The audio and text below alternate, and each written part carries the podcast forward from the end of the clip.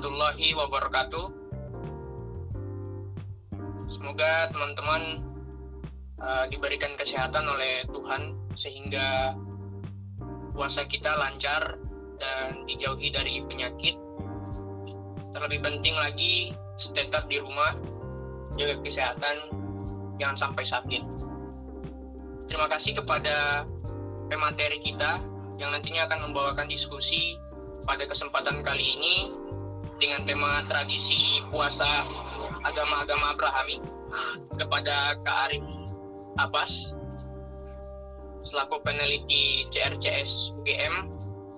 Terima kasih uh, berkesempatan untuk membawakan materi yang dibuat oleh kami oleh Median. Tanpa panjang lebar, kita langsung mulai saja. Uh, jadi sebenarnya tradisi puasa agama-agama Abrahami uh, mungkin ada yang baru mengetahui atau ada yang belum tahu bahwa sebenarnya puasa ini bukan hanya dilaksanakan oleh orang-orang yang beragama Islam, tapi ada agama-agama di luar sana, agama-agama yang lain yang juga melaksanakan uh, ibadah puasa. Contohnya agama-agama Abrahamik seperti agama uh, Kristen, Yahudi, itu merupakan agama-agama Abrahamik yang uh, terbilang atau bisa dikatakan besar. Tapi sebenarnya tujuan daripada mereka menjalankan agama eh, menjalankan puasa sebenarnya ini apa? Langsung saja tanpa panjang lebar kita dengarkan penjelasan dari uh, pemanti kita atau pemateri kita Kak Arif Abbas kepada Kak Arif dipersilakan baik. Uh, Assalamualaikum warahmatullahi wabarakatuh. Salam sejahtera. Suara saya jelas? Jelas jelas kan jelas. Oke okay. um, baik. Uh, terima kasih kepada Median Book yang sudah memberikan kesempatan agar bisa berbagi ide sama-sama di sini.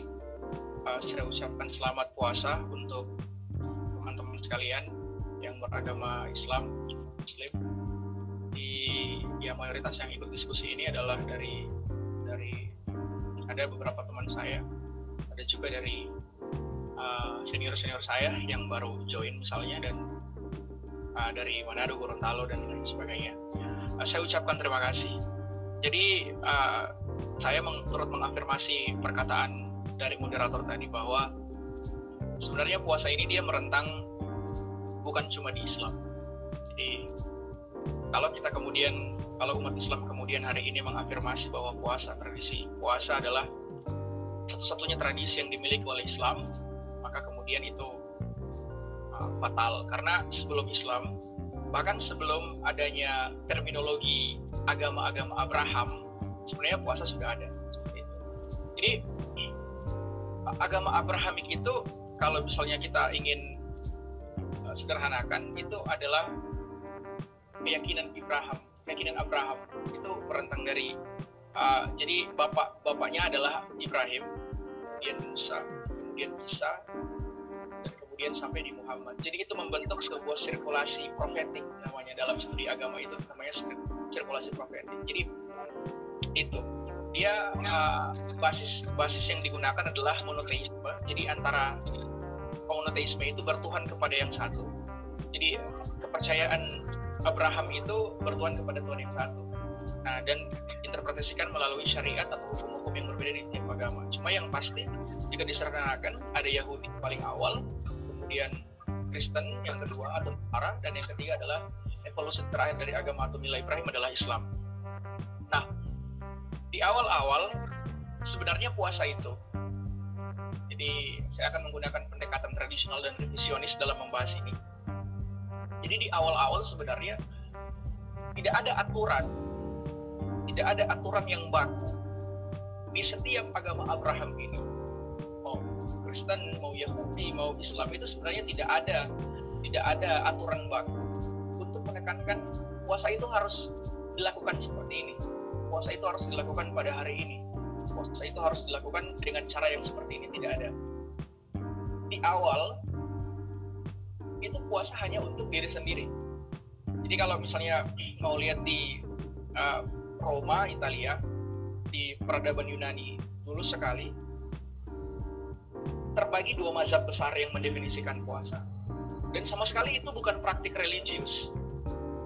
Nah, jadi praktiknya adalah pertama untuk kesehatan badan atau jasmani dan yang kedua untuk uh, mengembalikan kita ke keadaan yang uh, suci. Nah, di keadaan yang suci, di terminologi yang kedua atau keadaan yang suci ini kemudian agama masuk di situ dan mengkooptasi arti itu. Jadi sebelum ada sebelum ditemukan terminologi ini, sebelum dia menjadi praktik religius, kemudian agama masuk di situ.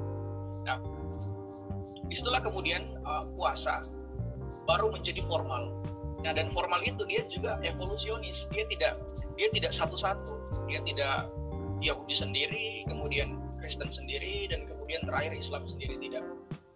Jadi sebenarnya kalau misalnya kita mau bilang kalau Islam itu memiliki tradisi puasa sendiri itu tidak. Tapi karena dia merentang dari Yahudi, kemudian Kristen, dan kemudian Islam. Nah, satu-satunya agama yang kemudian tidak memberikan maaf untuk konteks Timur Tengah ya, satu-satunya agama yang kemudian tidak ingin memperlakukan puasa itu hanya Zoroastrianisme agama di Iran sana itu hanya itu nah di Yahudi misalnya kita masuk di pembahasan paling awal Yahudi misalnya jadi saya akan menggunakan saya tidak akan menggunakan kata Taurat di sini tapi saya akan menggunakan Bible Old Testament atau perjanjian lama karena sebenarnya Torah Torah itu ya Bible juga Alkitab juga dan kemudian dia mengalami reifikasi seturut dengan peradaban Kristen awal dan menjadi perjanjian baru uh, seturut dengan uh, konsili-konsili Kalsedon, Nikean dan seterusnya. Nah di di di Bible paling awal itu di Book of Daniel, Daniel itu dia seorang rahib Yahudi yang paling terkenal. Nah dia dia menjadi puasa itu misalnya kalau anda misalnya lihat di chapter 1 di ayat 5 sampai ayat 6 Daniel itu melakukan puasa itu untuk mendapatkan divine revelation, artinya untuk mendapatkan semacam visi ketuhanan. Itu yang dilakukan sama Daniel. Ya, jadi benar-benar pure sangat religius. Jadi ya. Nah, dan Daniel kemudian uh, memberitakan hal ini apa yang dia lakukan itu seperti Musa, seperti ketika Musa kemudian sebelum dia mendapatkan wahyu di Bukit Sinai, 40 hari dia melakukan puasa. Jadi uh, Daniel Daniel ketika ditanya oleh beberapa teman-teman rahibnya kenapa kamu berpuasa, maka kemudian uh, Daniel menjawab bahwa itu pernah dilakukan oleh Musa.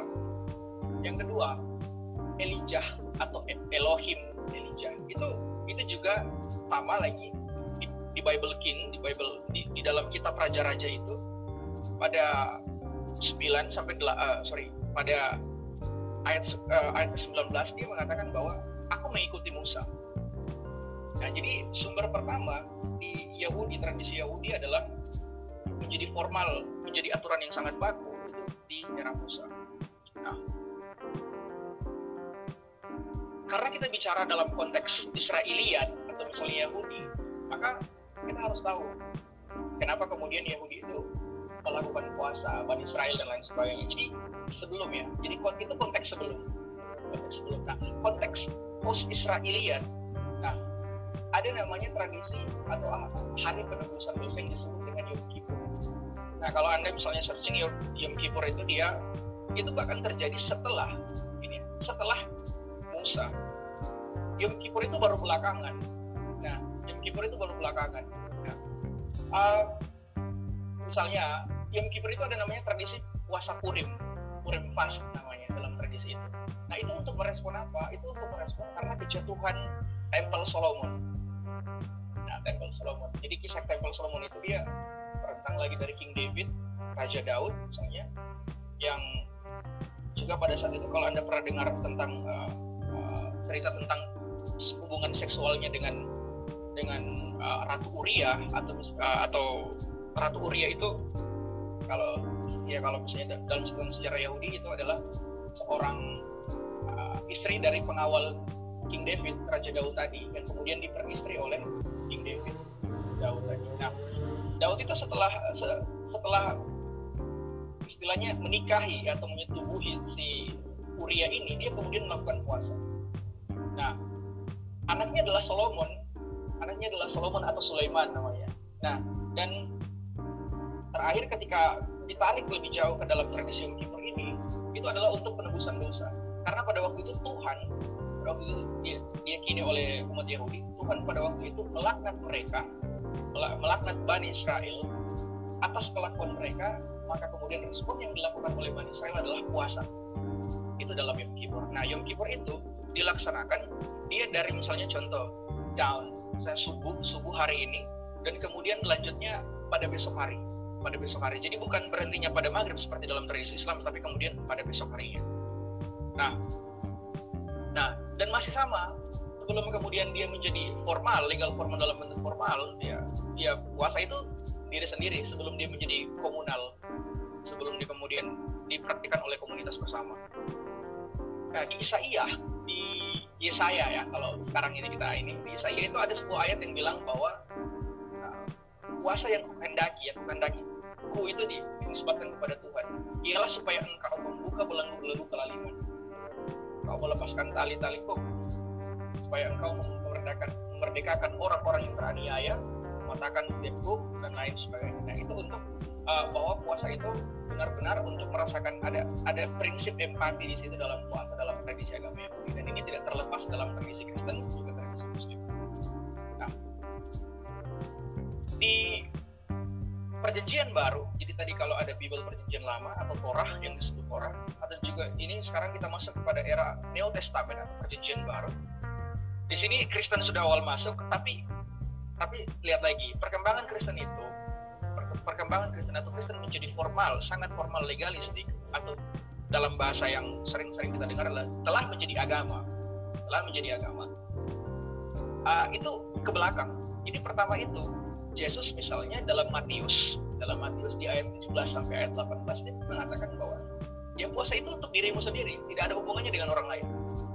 Jadi kamu kamu ingin puasa terserah, kamu tidak ingin puasa terserah juga. Dan puasa itu diharapkan untuk menjadi di, dilakukan dalam ruang privat, jangan kamu bongkar dan lain sebagainya.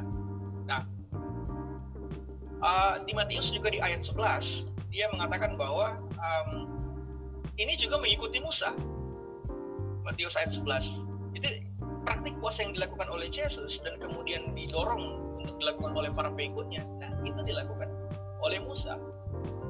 Ini mengindikasikan ada ada ada chain ada rantai ada rantai agama tadi milah Ibrahim. Dan kita akan melihat nanti mana itu.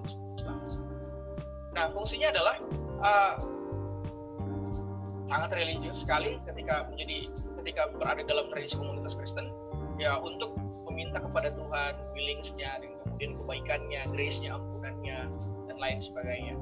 Di Lukas ayat 37 pada chapter 2 pada bab 2 dijelaskan bahwa itu adalah puasa itu adalah ekspresi keimanan. Jadi adalah sebuah ekspresi keimanan. Dan yang ketiga adalah design of apostolic minister. Itu ada jadi yang puasa itu biasanya uh, para rahib atau misalnya para uh, para rahib dan uh, pendeta misalnya atau uh, baptism dan lain sebagainya. Mereka harus puasa. Nah di awal-awal Kristen kemudian nah ini di awal-awal Kristen kemudian sudah menjadi agama yang formal dan sangat legalistik. Nah, ketika yang sebelumnya cair Kristen yang kemudian mendefinisikan bahwa puasa itu sebenarnya ada pada individu ketika di abad kedua kalau tidak salah dimulai pada konsili Chalcedon Nikea dia selanjutnya. Ketika di abad kedua, itu sudah mulai ada perayaan-perayaan. Jadi puasa itu yang tadinya adalah individual kemudian menjadi komunal dan diberikan waktu khusus. Seperti itu, diberikan waktu khusus. Waktu-waktunya biasanya yang baru-baru yang yang sebelumnya kita lihat ini adalah perayaan Ekaristi. Ekaristi itu uh, Ekaristi itu Paskah. Sebelum sebelum Paskah bahkan tiga atau dua hari sebelum pasca umat Kristiani itu kemudian dia berpuasa. Nah kemudian ada juga di Jumat Agung, uh, the Holy Communion, ketika ada orang bawa anggur dan roti dalam tradisi Kristen, nah itu orang puasa. Nah uh, tradisi-tradisi ini kemudian misalnya muncul dalam The Great Land 40 hari puasa yang kemudian mengikuti Musa tadi, atau misalnya ada yang seminggu sekali puasa, ada yang kemudian hari Rabu Abu puasa dan kemudian Kamis Putih puasa. Nah itu hal-hal seperti itu kemudian disepakati sebenarnya melalui interpretasi manusia terhadap teks kitab suci. Jadi bukan kitab suci yang datang kemudian bilang bahwa kamu harus puasa di sini, tidak. Tapi di, di Kristen itu ditafsirkan oleh atau diinterpretasikan oleh para rahib atau diinterpretasikan oleh para pendeta uskup pada waktu itu untuk kemudian membuat hari-harinya. Ini loh hari-harinya dan hari-hari itu biasa terjadi kemudian peristiwa-peristiwa agung. Ekaristi misalnya ada yang tahu ekaristi? Uh, ekaristi itu paskah kemudian ketika nah, uh, ketika Yesus pada waktu itu ada dua peringatan. Ketika di paskah itu uh, Yesus ketika naik ke langit dia hidup kembali dan sebelumnya di Jumat Agung itu perayaan ketika Yesus meninggal. Nah, orang puasa di minggu juga puasa Nah ini berbeda. Jadi saya ingin jelaskan bahwa di Kristen ini sangat kompleks, tidak tidak seperti Yahudi mungkin. Karena Kristen itu ketika uh, di abad di abad ketiga kalau tidak salah, ya di, ya, di abad ketiga itu terjadi perpecahan besar antara gereja timur dengan gereja barat. Nah gereja timur itu representasi daripada Roma, Italia. Sedangkan kemudian gereja timur itu representasi daripada misalnya Muslim, Kristen Koptik misalnya di Mesir atau Assyrian atau misalnya di di uh, di Rusia pada saat ini. Nah itu itu disebut dengan Kristen Timur, kekristenan Timur. Nah di Kristen Timur itu tradisinya beda lagi, tradisi puasanya beda lagi. Nah itu ada tradisi puasa di hari Rabu dan puasa di hari Kamis. Eh sorry di hari um, di hari uh, uh, Jumat ya Jumat Jumat. Dan itu puasanya benar-benar menahan. Kristen Kristen Timur itu dia lebih taat dan lebih rigid, lebih keras dalam memperlakukan ajaran atau teks Bible. Dan kemudian di Kristen Barat, apalagi setelah masuk eh, Protestan, ketika Calvin dan John Calvin dan dan Luther, ketika Calvin dan Luther kemudian uh, naik dengan tesis-tesis mereka untuk mereka uh, untuk membongkar ajaran Kristen lama dan mendirikan Protestan, itu kemudian puasa jadi sangat berbeda. Protestan. Nah, ada banyak sekali denominasi. Jadi denominasi itu seperti sekte. Kalau dalam Islam misalnya dia itu Ahmadiyah, Sunni, Syiah, dan semua ya tetap saja mengklaim bahwa dirinya benar dan lain sebagainya. Nah, di Kristen itu ada itu namanya adalah denominasi. Nah, dan saya akan menyempitkan, saya hanya akan menyempitkan denominasi gereja yang membahas tentang misalnya ya uh, di Protestan jadi awal mula Protestan itu ya abad ke-15 ketika Luther menancapkan 99 tes di dinding gereja Katolik dan uh, membuat uh, semua orang geger karena perdebatan pada waktu itu perdebatan yang cukup cukup signifikan pada waktu itu. Jadi untuk lebih memahamkan kenapa tradisi puasa di Pantai Costa uh, di Protestan itu sangat beragam, kita harus memahami akar akar kenapa kok bisa seperti itu.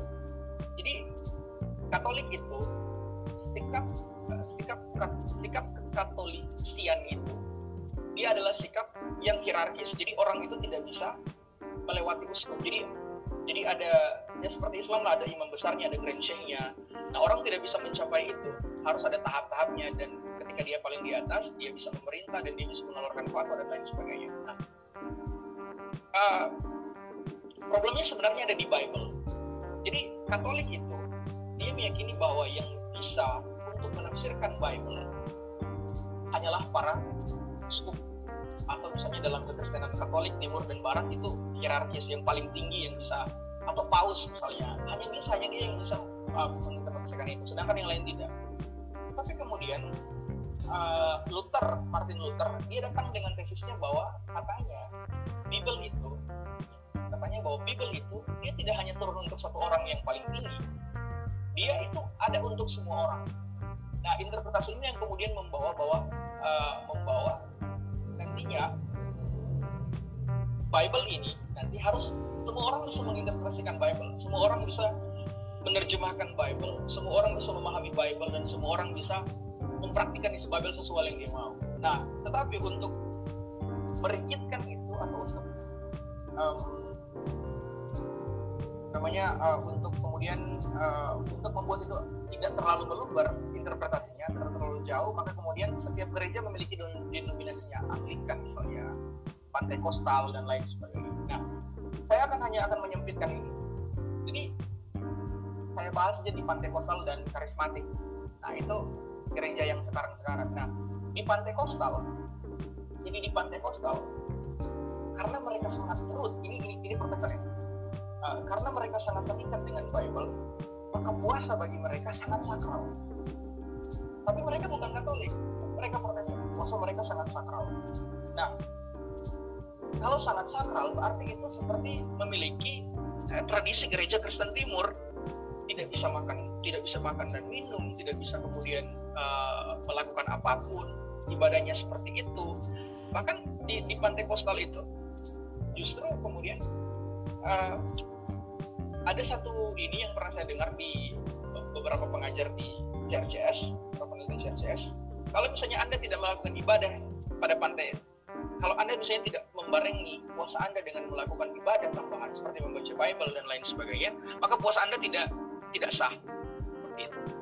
Nah sedangkan ada di karismatik di karismatik movement di gereja-gereja karismatik justru um, sangat terbuka bahkan puasa itu berbeda jadi ada puasa ada abstinen nah puasa itu menahan diri. Benar-benar menahan diri. Anda tidak bisa makan dalam waktu ditentukan sedangkan abstinen itu hanya absen dalam beberapa makanan. Jadi anda hanya anda anda puasa tapi bukan puasa full.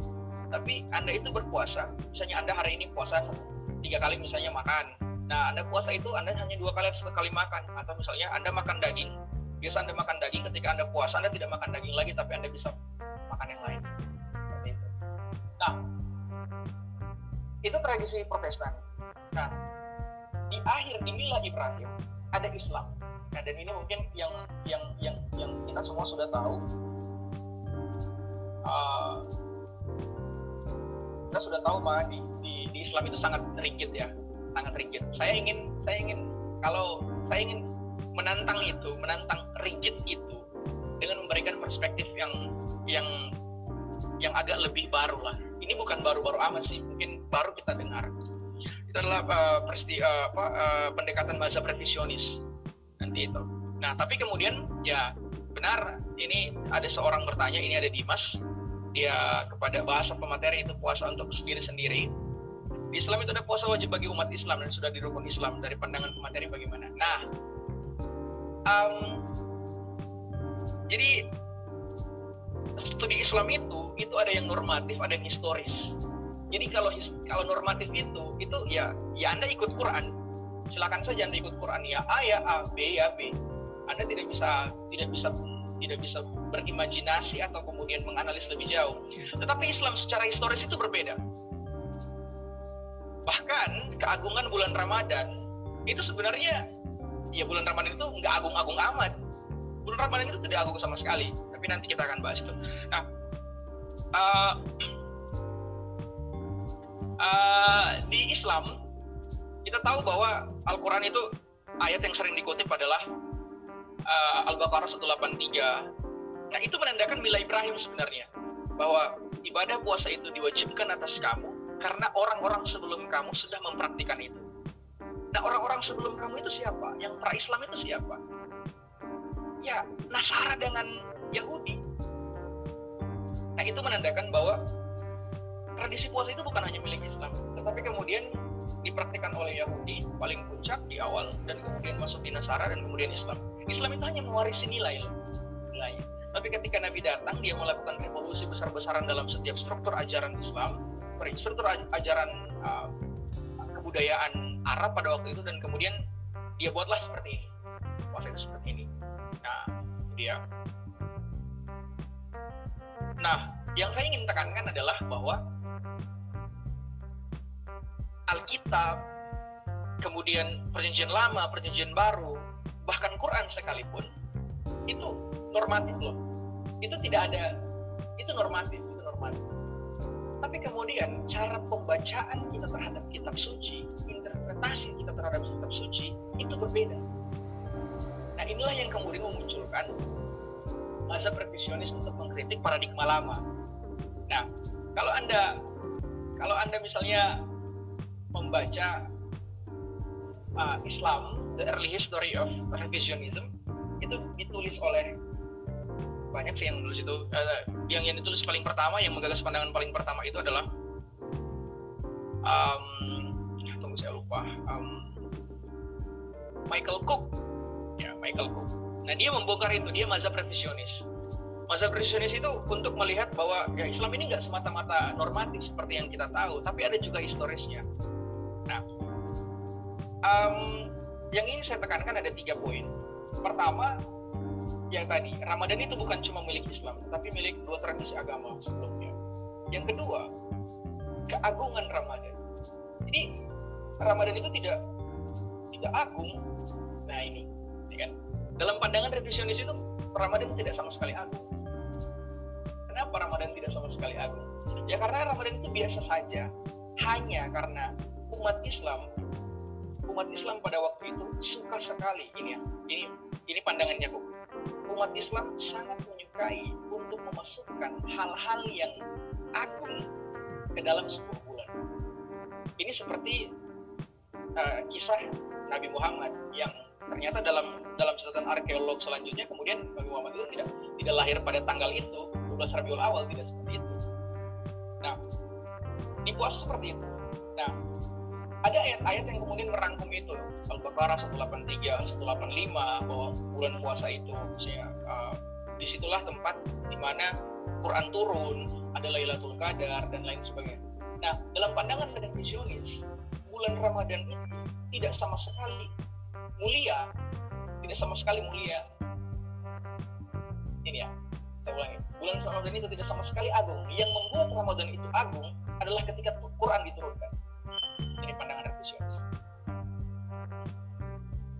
yang membuat Ramadan itu agung bukan karena puasanya tetapi karena di bulan itu Quran diturunkan ini pandangan para revisionis. Belakangan kemudian di, lebih dimutakhirkan oleh Munim Siri di dalam tradisi Islam. Atau di, di Indonesia khususnya. Nah menariknya uh, ada satu kisah yang kemudian itu menceritakan ketika Nabi, ketika dia baru tiba di setelah dia setelah dia hijrah dan dia kembali lagi ke Mekah, yang dia lihat di Ka'bah di depan Ka'bah pada waktu itu, jadi dia tiba itu ketika masyarakat Arab pada waktu itu sedang melaksanakan Yom Kippur, tadi tradisi Yahudi, tradisi Yahudi. Sedang melaksanakan Yom Kippur, jadi mereka puasa. Nah Nabi pada uh, Nabi pada waktu itu langsung berkata bahwa yang kalian lakukan yang kalian lakukan melakukan Yom Kippur ini kepada masyarakat tadi itu yang berhak untuk mengklaimnya adalah aku. Karena aku memiliki relasi sampai ke Musa. Nah ini menunjukkan itu ada keterkaitan antara tadi antara Musa, Isa kemudian dan Muhammad. Nah di dan pada waktu itu karena mungkin ini ya dalam bahasa revisionis itu katanya. Katanya Nabi Muhammad itu dia menggerutu. Karena seharusnya puasa ini sudah menjadi milik Islam harusnya puasa sudah menjadi milik Islam karena Islam sudah turun dan melengkapi agama-agama sebelumnya harusnya Yahudi itu tidak berpuasa Yom Kippur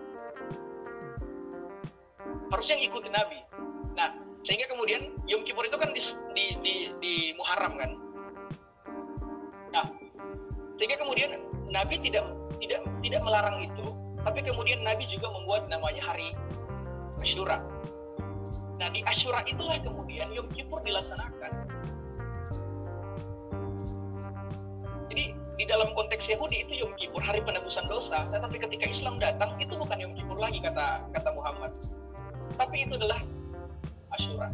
Nah maka kemudian umat Islam hari ini dia melaksanakan puasa Asyura seperti itu dan itu dan dan katanya dalam pandangan Cook itu pada pada tradisi sebelumnya sebenarnya antara derajat antara puasa Ramadan dan puasa puasa Asyura tadi itu sebenarnya sama.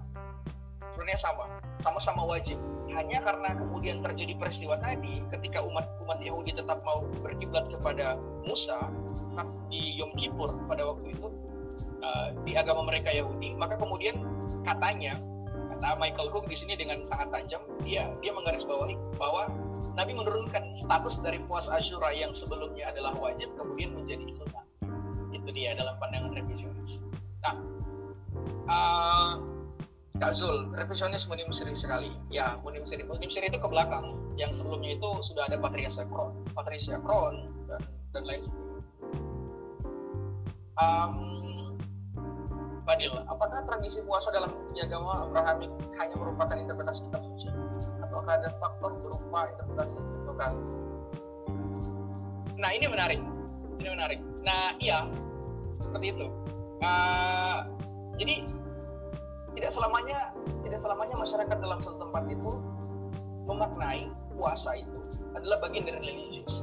Nah, dia, kapan dia menjadi religius? Ketika agama-agama tadi muncul, ketika agama tadi yang sangat cair, kemudian menjadi sangat uh, sangat formalistik. Nah, ketika dalam istilah studi agama itu mengalami reifikasi. Jadi agama dulu itu hanya pengalaman, toh pengalaman. Dan pengalaman itu ya pribadi. Seperti itu. Nah, di sini kemudian muncul tadi budaya, etnografi, misalnya budaya dan lain kultur dan lain sebagainya. Ya iya masuk di situ. Nah karena misalnya pada perkembangan satu contoh Kristen, pada pada perkembangan Kristen awal, pada perkembangan Kristen awal,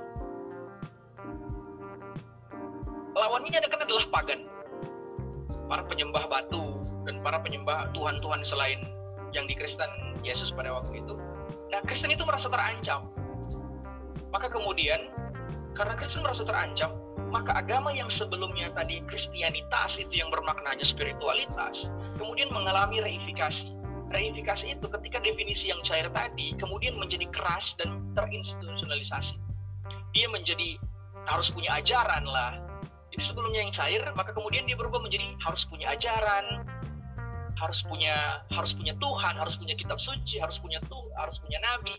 Nah, ajaran itu yang dibakukan Nah itu kemudian itu hasil dari pada interpretasi terhadap kitab suci. Seperti itu. Nah tentu saja ada bias-bias budaya di situ. Ada bias-bias budaya. Contoh, misalnya kalau kita lihat Islam tadi, ya Nabi Muhammad tidak ingin tidak ingin tidak ingin tradisi tadi Yom Kippur tadi tetap diperlakukan dilakukan oleh Yahudi. Dia mau itu diambil alih oleh Islam. Nah itu kan kalau misalnya ini radikal itu kan mempertahankan ideologi yang yang di Muhammad karena ada klaim metafisik yang di uh, klaim metafisik bahwa kenabian terakhir aku warisi dan kemudian kalian sudah tidak berhak untuk berkiblat kembali kepada Musa. Maka uh, maka ikutilah tradisiku. Tetapi kemudian Nabi Muhammad tidak serta merta menghilangkan yang kibur dan sebagainya. Dia di dalam Islam dia mengganti itu menjadi asyura. Dan statusnya diturunkan dari dari yang wajib kemudian menjadi sunnah uh, apakah tradisi budaya keagamaan fundamental seperti puasa praktiknya berpengaruh terhadap perbedaan mazhab baik di Kristen maupun Islam? Ya kalau di ini, kalau di uh, di Kristen ya jelas tadi setiap denominasi uh, setiap denominasi Kristen mempunyai konsep puasanya masing-masing, tetapi dia tidak menghilangkan uh, akar awalnya. Contoh misalnya di Kristen itu kan setiap denominasi itu memiliki dua definisi puasa. Pertama, ada puasa yang benar-benar puasa, artinya total untuk menahan diri, dan kedua adalah namanya abstinen. Abstinen. Nah, abstinen itu hanya hanya tidak puasa sebenarnya, dia hanya menahan diri dari makan dan minum. Itu pun cuma cuma makanan cuma makanan yang dia mau atau dia tidak mau atau bisa dianjurkan oleh gereja. Nah, sedangkan nah, di gereja-gereja di nah itu hampir semua terjadi di gereja-gereja. Nah, ada contoh lain misalnya di uh, di Protestan khususnya itu metodis. Nah di metodis misalnya gereja metodis itu um, sangat berbeda dari Pantekostal dan dan, dan apa tadi uh, Pantekostal dan misalnya uh, Anglikan sorry sorry bukan sangat berbeda dari uh, Pantekostal tadi. Nah karena di karena di Anglikan ibadah puasa itu ibadah puasa itu hanya cukup menahan diri. Nah tetapi dia ini ya ibadah puasa itu menahan diri menahan diri. Itu dari hisap itu tetap mengikuti ini ya rootnya akarnya itu tetap 40 hari. Tetapi kemudian dia tidak total.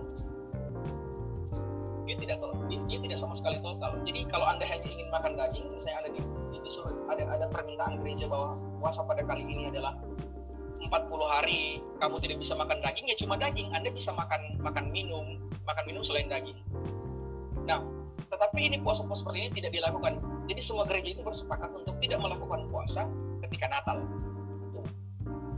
Ketika hari Paskah tepat hari Paskah sebelum Paskah puasa atau uh, sebelum Jumat Agung puasa tetapi ketika Holy Communionnya ketika perayaannya itu tidak bisa puasa. Nah di Islam uh, sebenarnya ada ada yang lebih paham di sini uh, Kak Man ada lebih paham dari saya di sini tentang bagaimana sebenarnya mazhab itu dalam ini. Tapi saya kira tidak ada ya. Saya kira sampai di sini. Nanti bisa dikoreksi. Bahwa um, kayaknya ketika Ramadan ya semua Ramadan semua semua puasa dan semua menyepakati itu. Bahkan ada puasa-puasa sunnah yang lain dan dan itu dilaksanakan juga. Tapi sejauh ini yang sesuai dengan pengamatan saya Islam tidak seradikal uh, Kristen apalagi Protestan dalam mendefinisikan uh, makna puasa, bagaimana praktiknya dan bagaimana ia dilaksanakan, apa esensinya dan lain sebagainya. Ya, jauh ini sih, jauh ini. Ya, nanti bisa dikoreksi. Um, terlalu banyak kata. Ya, karena mazhab revisionis itu baru baru didengar sebenarnya baru di 2-3 tahun belakangan dan itu mengguncang mengguncang sekali karena misalnya dia mengatakan bahwa Ramadan tidak mulia, Ramadan itu bukan bulan yang agung, tanpa ada tanpanya, tanpa kemudian turunnya Al-Quran, tanpa kemudian peristiwa Lailah Al-Qadar dan lain sebagainya. Jadi Ramadan itu ya biasa-biasa saja, persepsi kita saja yang berlebihan terhadap Ramadan. Padahal ya tanpa anugerah yang diberikan Tuhan, keberkahan diberikan Tuhan itu ya Ramadan bukan apa-apa. Itu dia. Um, apalagi yang ingin saya katakan bahwa um, oh ya Ramadan pasca kenabian saya lupa ini. Ramadan pasca kenabian jadi itu terjadi ketika Nabi tadi. Jadi uh, tadi peristiwa Yom Kippur itu terjadi ketika Nabi. Tapi kemudian ada ada Ramadan pasca Nabi nah ini mengulang sebenarnya keagungan yang dimiliki oleh bulan puasa. Ini tidak bahwa puasa itu sebenarnya sifatnya evolutif. Dia tidak tidak stagnan di situ tapi dia sesuai dengan peradaban. Jadi orang memahami puasa itu dalam konteks puasa setelah Nabi khususnya dan kemudian fix setelah itu tidak ada lagi pergantian dan perubahan. Um, itu itu di pasca Nabi. Ada ada sebuah ini uh, yang menarik. Misalnya contoh dalam musnad itu Ahmad bin Hambal itu saya temukan itu justru yang menulisnya adalah sarjana revisionis itu Patrias Yakron di dalam Hagarisme dia menulis seperti ini uh, Ahmad bin Hambal itu dalam musnad itu meriwayatkan wasilah bahwa di Al-Aqsa ini ya, kenapa kenapa kemudian Ramadan itu menjadi begitu agung? Karena suhuf Ibrahim itu kata kata Ahmad bin Hambal, suhuf Ibrahim itu turun pada satu Ramadan. Dan kemudian Taurat itu diturunkan kepada Musa pada enam Ramadan tiga, Injil diturunkan kepada Isa pada 13 Ramadan dan kemudian Al-Furqan atau Al-Quran itu diturunkan kepada Islam pada 24 Ramadan. Nah ini mengindikasikan bahwa keagungan yang dimiliki Ramadan itu dari bulan-bulan yang lain adalah karena pada waktu itu ada event-event besar dalam tradisi tiga agama besar ini dari Yahudi, Kristen sampai Islam. Nah, di Yahudi itu ada ada ada ada Taurat ada di, di, ini adalah ada Injil ada Islam ada, ada Al-Quran dan semua itu katanya di bulan Ramadan. Dan ini justru ditemukan dalam kitab-kitab revisionis dan itu dan perkataan-perkataan seperti ini tidak tidak ketika Nabi muncul tidak ketika Nabi hidup tetapi ketika setelah itu setelah dia meninggal. Nah itu yang kemudian menambah keagungan Ramadan.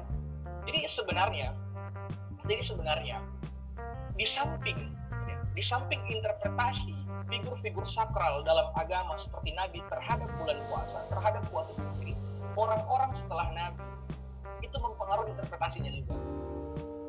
Orang-orang uh, itu mempengaruhi interpretasi terhadap agama tadi. Jadi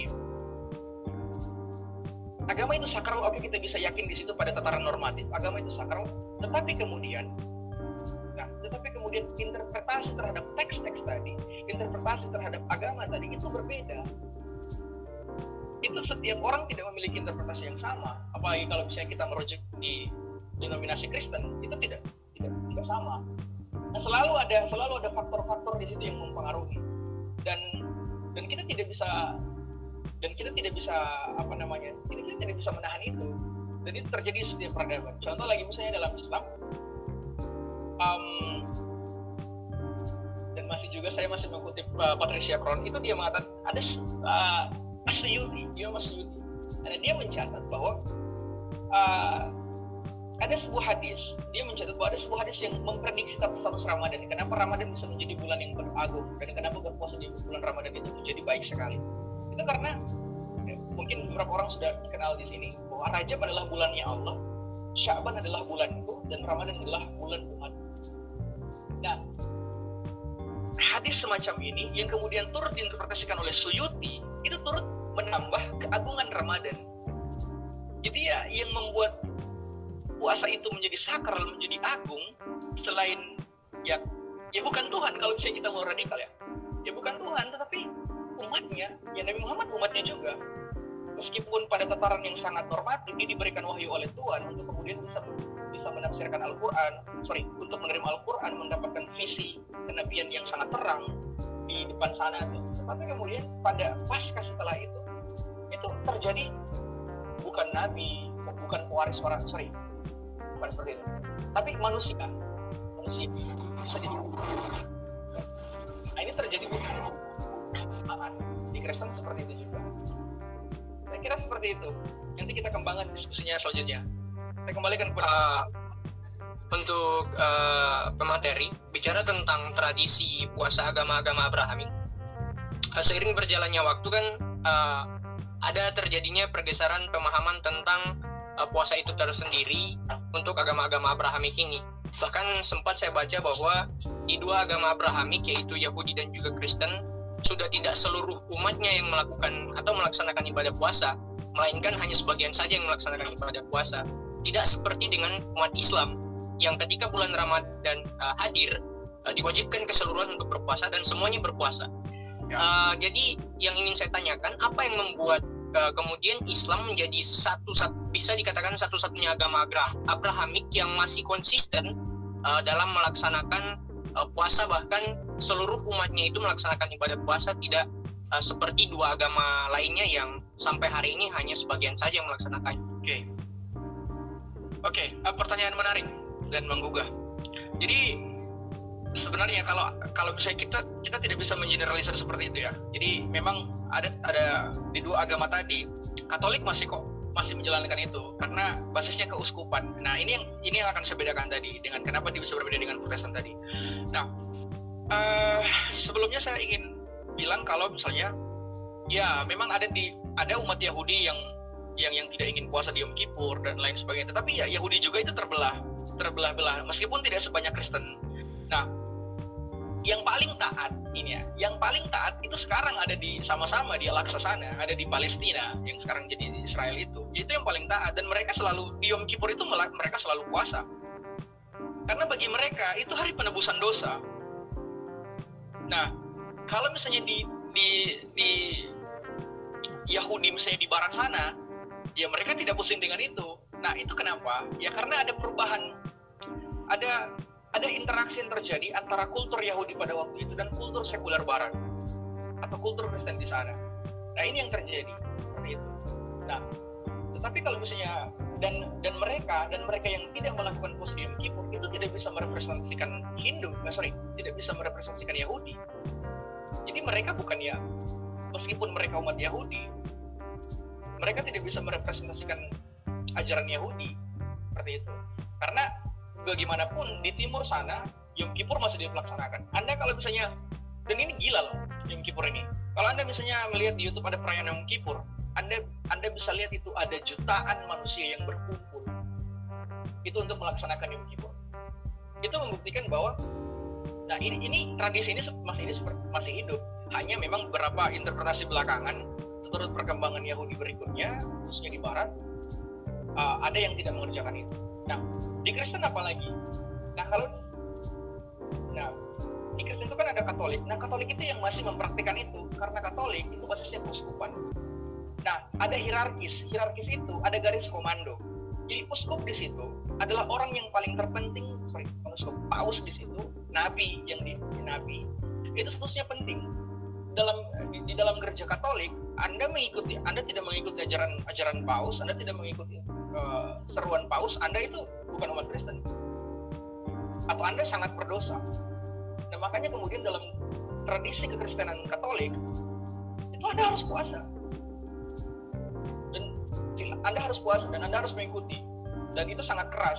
Di, di, di gereja Kristen Timur juga seperti itu. Anda harus puasa. Yang membuat yang membuat dia kemudian mengalami perubahan itu Protestan. Nah. Di Protestan itu saya sudah jelaskan tadi muncul ketika uh, Luther sama Calvin itu, sorry Luther, yang paling pertama adalah Luther, ketika dia menancapkan 99 tesis kegagalan atau kejanggalan daripada gereja Katolik. Nah yang dia tancapkan itu sebenarnya intinya cuma satu, dia ingin Bible yang pertama atau Alkitab yang yang pertama itu sifatnya tersentralisasi kepada uskup atau kepada paus, ya. Hanya bisa diinterpretasikan oleh paus, harus juga bisa diinterpretasikan oleh manusia. Biasa yang bukan uskup karena katanya the grace of the God uh, apa namanya grace of the God itu apa namanya uh, anugerah Tuhan atau misalnya uh, kehendak Tuhan itu diberikan kepada siapa yang dikehendaki seperti dalam tradisi Islam. Nah ini kemudian membawa reformasi dalam ajaran-ajaran gereja. Dia membawa reformasi dalam ajaran gereja. Nah dalam reformasi ini kemudian tradisi, ibadah, bahkan simbol-simbol termasuk uh, doktrin teologis itu terus berubah. Dia terus berubah. Makanya di metodis ada yang seperti ini, di di di, di metodis seperti ini, di Anglikan seperti ini, di tempat lain seperti ini. Nah, itu berbeda-beda. Ada yang puasa full, ada yang tidak puasa full, ada yang misalnya yang uh, tradisinya ada yang cuma makan daging, ada yang memang tidak bisa makan telur, daging dan susu. Ada seperti itu. Itu gereja metodis. Nah itu itu mengalami perubahan. Nah dan perubahan ini meskipun diwakili oleh sebagian besar sekarang Protestan itu tidak bisa merepresentasikan Kristen, tidak bisa. Jadi Protestan tidak bisa Protestan ajaran Protestan tidak bisa mewakili apa, meskipun dia telah mengalami perubahan atas nama Kristen dia tidak bisa mengklaim bahwa puasa ini hanya untuk Protestan dan praktiknya seperti ini tidak bisa. Mau anda hilangkan sekalipun puasa itu dalam tradisi Protestan, anda tidak bisa mengklaim bahwa itu atas nama Protestan. Karena ada komunitas-komunitas agama yang mengerti. Nah, soal Islam, ini menarik. Paling tidak, kita bisa mengambil bahwa dalam dalam Islam juga hampir sama dengan tradisi Katolik tadi. Karena mereka memegang prinsip hierarkis. Prinsip hierarkis dalam Islam itu Tuhan, Allah Subhanahu wa taala, kemudian kepada Nabi Muhammad. Nah, di situ kemudian ada Quran, dan lain sebagainya sampai pada aturan-aturan ulil amri dan kemudian syariat ulil amri sampai kepada uh, sorry uh, tabi tabiin tabi tabi tabi tabiin sampai kemudian kepada ulil amri yang sekarang.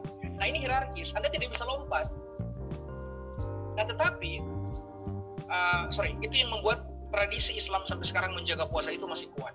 Nah tetapi interpretasi terhadap praktik puasa khususnya dalam hal ibadah itu bisa jadi sangat berbeda. Contoh, sekarang saya di tengah-tengah pandemi sekarang kan nah ibadah puasa misalnya contoh yang selama ini kita melaksanakan salat di masjid itu kemudian tidak lagi diperlakukan untuk masalah bersama nah itu yang menginterpretasikan itu itu anda cari anda cari di Al-Quran tidak ada ada cari di hadis Nabi ada memang tapi tidak spesifik membahas tentang itu nah yang anda akan dapatkan adalah pada pernyataan fatwa-fatwa MUI dalam Undang dan ini disepakati oleh seluruh uh, Grand Mufti di Mesir sana atau Grand Sheikh di uh, di, di, di Al Azhar sana atau misalnya di Arab. Anda Anda akan mendapatkan itu di situ dan itu terjadi perubahan dan pandangan seperti itu. Itu yang saya kira. Saya kembalikan. Uh, di sini juga di ada peserta yang kemudian uh, bertanya Bila demikian pemateri apakah puasa dalam pengertiannya sebagai tradisi lalu diadopsi oleh Islam yang datang belakangan ritus puasa Ramadan bisa dikatakan islamisasi tradisi puasa Abrahamik semata. Nah, ini menarik. Um, saya kok was-was jawab. Ya, ya, ya.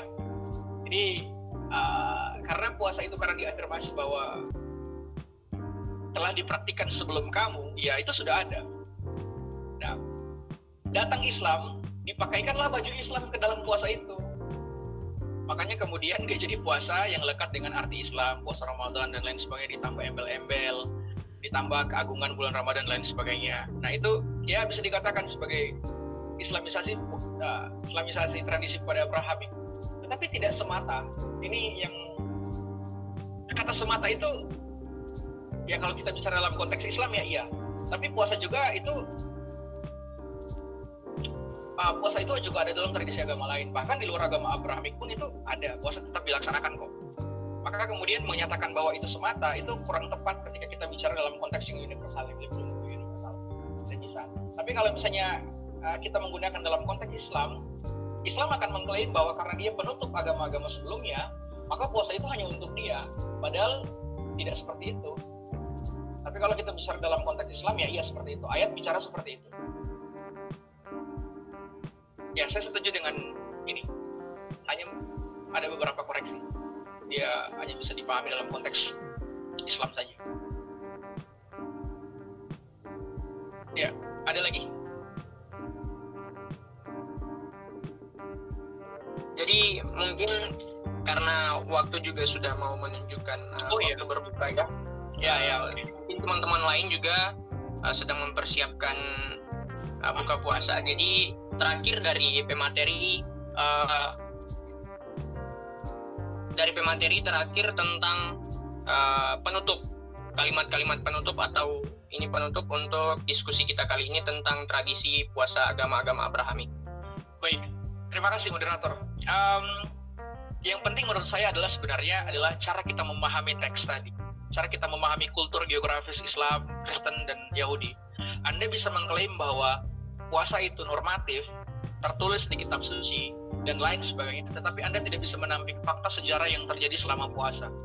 Bahwa sebelumnya puasa itu sangat cair, yang hanya diperuntukkan untuk dirimu sendiri, tapi ketika kemudian ketika agama telah mengalami formalisasi ajaran-ajaran, maka dia menjadi wajib untuk dilakukan. Jadi dia bergerak dari yang individu menjadi komunal, menjadi semangat komunal. Kedua, semangat puasa ini yang saya lupa tekankan. Semangat puasa, nah, semangat puasa hanya tidak hanya dalam sisi teologis, tetapi juga ada dalam sosiologis. Ini saya lupa tekankan tadi. Uh, saya menulis itu di kolom semalam.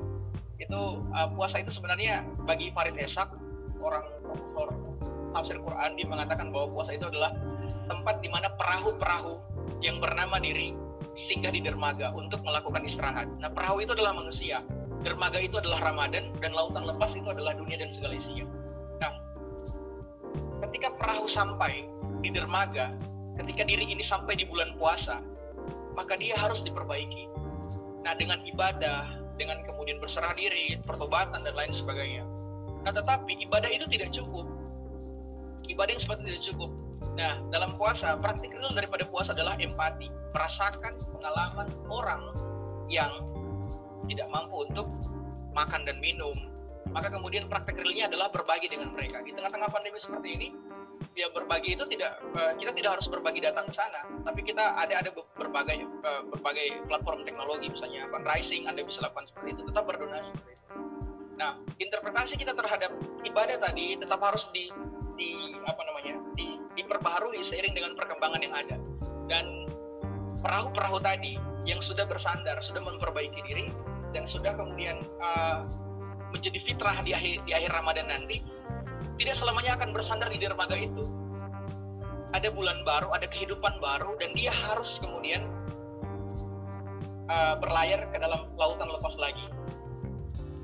Maksudnya adalah sebenarnya inti dari puasa itu adalah menempa diri Anda untuk kemudian menjadi lebih baik setelah Ramadan. Itu yang disampaikan dalam semua tradisi Abraham, khususnya dalam Islam. Seperti itu. Saya kira terima kasih seperti itu uh, moderator uh, sudah mengundang saya dan diskusinya cukup menarik antusias terima kasih saya kembalikan oke okay. terima kasih kepada pemateri kepada Kak Arif uh, jadi uh, diingatkan kembali diinformasikan jangan lupa kepada teman-teman bahwa di jam yang sama besok akan ada juga uh, diskusi ngamen 02 dengan tema bagaimana bagaimana sih politik dan kebijakan menyelamatkan kita dari pandemi. Uh, itu saja informasinya dan kepada pemateri sekali lagi terima kasih waktunya